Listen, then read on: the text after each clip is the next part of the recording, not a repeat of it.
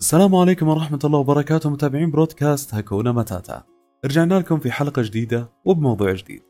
منذ قديم الأزل والإنسان يعبر عن نفسه ومشاعره بالفن ومن أكثر أنواع الفنون اللي استطاعت أن تعبر عن الناس بشكل ممتاز هي الكوميديا لأن حاجة الإنسان للضحك والترفيه حاجة أساسية والرسائل الاجتماعية خلف الكوميديا جدا مفيدة وتزيد الوعي بطريقة ساخرة. راح نتكلم اليوم عن شخصيات عربية قديمة كانوا يتمتعون بالحس الفكاهي العالي. بنتكلم عن شخصية تعتبر رائدة للكوميديا في التاريخ العربي ألا وهي جحا. جحا شخصية خيالية من التراث الشعبي العربي كان يتعامل بذكاء اجتماعي ساخر مع المواقف اللي تمر عليه. خلينا نقول إن في كل أمة جحا خاص فيها. ومن أشهر القصص اللي وردت عن جحا إن في يوم من الأيام كان ماشي في السوق وجاء آدمي من وراه ولطمه لطمة من قوتها طاح جحا. فقام على أساس إنه كان يبغى يقتص من اللي ضربه. اللي هو اجتمعوا الناس عليهم وفرقوهم قالوا تروحون تحتكمون عند القاضي. فيوم راحوا القاضي جحا وخصيمة. وصلوا عند القاضي فقال لهم القاضي ما شكواكم؟ فاشتكى جحا بالشيء اللي صار. بعد ذلك القاضي كان يعرف خصيم جحا. فقال أنا أعطيك شيئا أفضل من أن تلطمه. قال له جحا أشر علي. فقال أحكم عليه بأن يعطيك عشرين دينارا.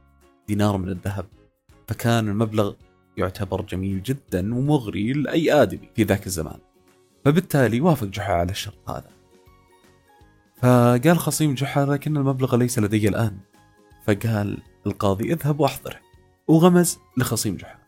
فعرف خصيم جحا أنه لا يرجع مرة ثانية. بعدها جحا بدأ ينتظر ساعة ساعتين وحس أن الأمر فيه شيء غلط يعني. الأمر فيه حيلة.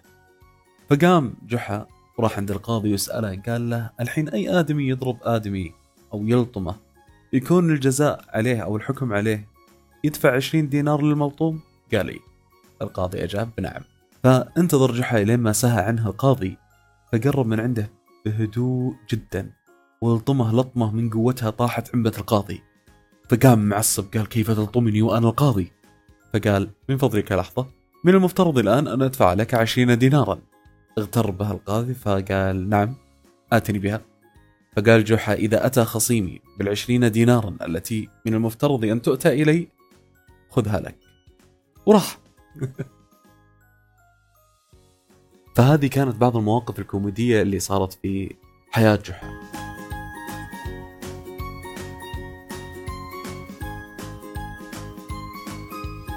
ونقفز الآن قفزة كبيرة في عالم الكوميديا وننتقل للكوميديا الارتجالية. في شخصية كانت مشهورة في هذا المجال ونسبت إليه الكثير من السوالف اللي تخص الارتجال وهي شخصية أشعب. أحب أعطيكم نبذة عن أشعب. أشعب كان شخص ذو بطن كبيرة وطماع طمعه كان مخيف جدا لدرجة أنه كانوا يسألونه يا أشعب أوصف لنا طمعك فيقول والله ما زفت بنت في المدينة إلا ظننت أنها تزف لي ولم تولم وليمة في المدينة إلا ظننت أني أول المدعوين إليها. فكان طمعه مخيف يعني زودا على الطمع. كان يتطفل على الناس فبالتالي أي آدمي قاعد يأكل قدامه لازم يأكل معه أشعب يعزم نفسه بدون ما أحد يعزمه. ففي أحد المرات كان ماشي في أحد الأسواق فشاف ناس قاعدين يأكلون. فقال لهم ما تأكلون؟ هم لو قالوا أنهم يأكلون شيء بينزل يأكل. أشعب ما يدفع خصوصا في سالفة الأكل.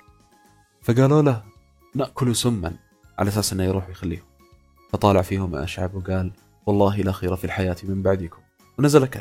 سم ما هو بسم ما هو بفارقة معه.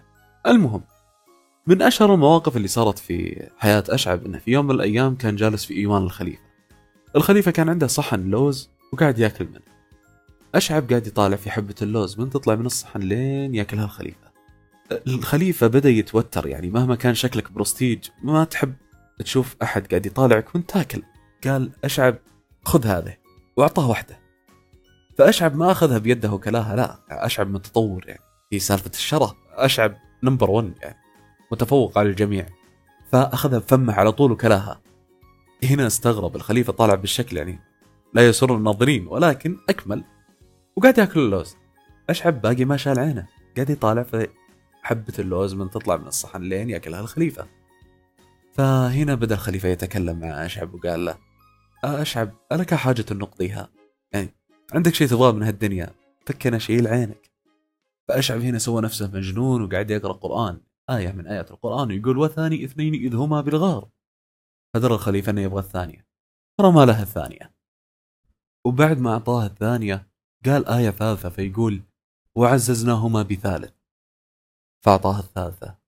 فأكمل يقول فخذ أربعة من الطير فصرهن إليك. فأعطاه الرابعة. قال يقولون خمسة وسادسهم كلبهم. فأعطاه الخامسة والسادسة. يوم وصل نص درزن ست حبات. قال الخليفة هنا والله لأسكتنك. طالع فيه أشعب قال هيهات يعني إن استطعت. أكمل أشعب يقول سبعة ليال وثمانية أيام حسومة ومع السابعة والثامنة. قال ونزل في المدينة تسعة رهط. قال رمالها التاسعة. قال ثلاثة أيام في الحج وسبعة إذا رجعتم تلك عشرة كاملة. قال رمالها العاشرة. قال إني رأيت أحد عشر كوكبا والشمس والقمر لي ساجدين.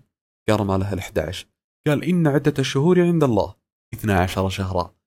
يوم وصل الدرزن كامل 12 حبة. قام يخطط على شيء أكبر فقال أشعب إن يكن منكم عشرون صابرين يغلبوا مئتين. هنا طالع فيها الخليفة مسك الصحن وصكها قدامه قال خذ جعله ما يحدر طالع فيها أشعب قال زين إنك أعطيتني الصحن. قال ليه قال والله اني بغيت أقول لك وأرسلناه إلى مئة ألف أو يزيدون. فأشعب هنا وصل لمرحلة من مراحل الطمع شيء مخيفة جدا. المهم إن هذه إحدى الروايات اللي نسبت لأشعب في طرائف الطفيلي. هذا ما يتعلق في الكوميديا الارتجالية قديما. أما بوقتنا الحاضر صار يسمى هذا الفن بال stand up comedy وهو الفن المتصدر هذه الأيام عبر منصات ال social media. تاخذ لك نكته على الواقف وبرزوا فيها شباب وبنات سعوديين وأبدعوا بهالمجال. بنقول لكم آراء الناس اللي انقسمت إلى قسمين في هذا النوع من الكوميديا. ففي ناس تقول إن هذا النوع من الفنون يبي له تمرس وبي له شخص فعلا ارتجالي وفطرة الكوميديا فيه تحبب الناس في الموضوع هذا. يعني بعض الناس يحبون إنه يكون على أرض الواقع شخص يضحك. ما يحبون يروحون ياخذون تكت ويدخلون عند واحد محضر كلامه مسبقا ويعيد العرض عشر مرات ويحبون العفوية يحسون بكل هذا التكلف سحبوا منه روح الكوميديا. أما بعض الناس يكون عندهم اتجاه معاكس جدا يعتبرون هذا الفن فن جميل وما يشوفون إنه فن جديد علينا وكون الكلام اللي قلناه قبل شوي يأيد هذه النظرية.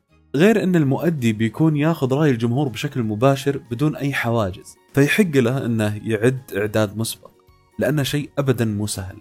ولا ننكر أن هذا المجال نجح فيه كثير من الناس واستطاعوا أنهم ينشرون البهجة ويدخلون السعادة على قلوب كثير من الناس. وفي النهاية وراء كل نكتة حكاية من أمل أو ألم سواء قصدت ذلك أو لا. نشوفكم في حلقة ثانية وموضوع ثاني بإذن الله. إذا عجبكم موضوعنا لا تنسون اللايك والشير واعطونا اقتراحاتكم لمواضيع مستقبلية نشارككم فيها بإذن الله. مع السلامة.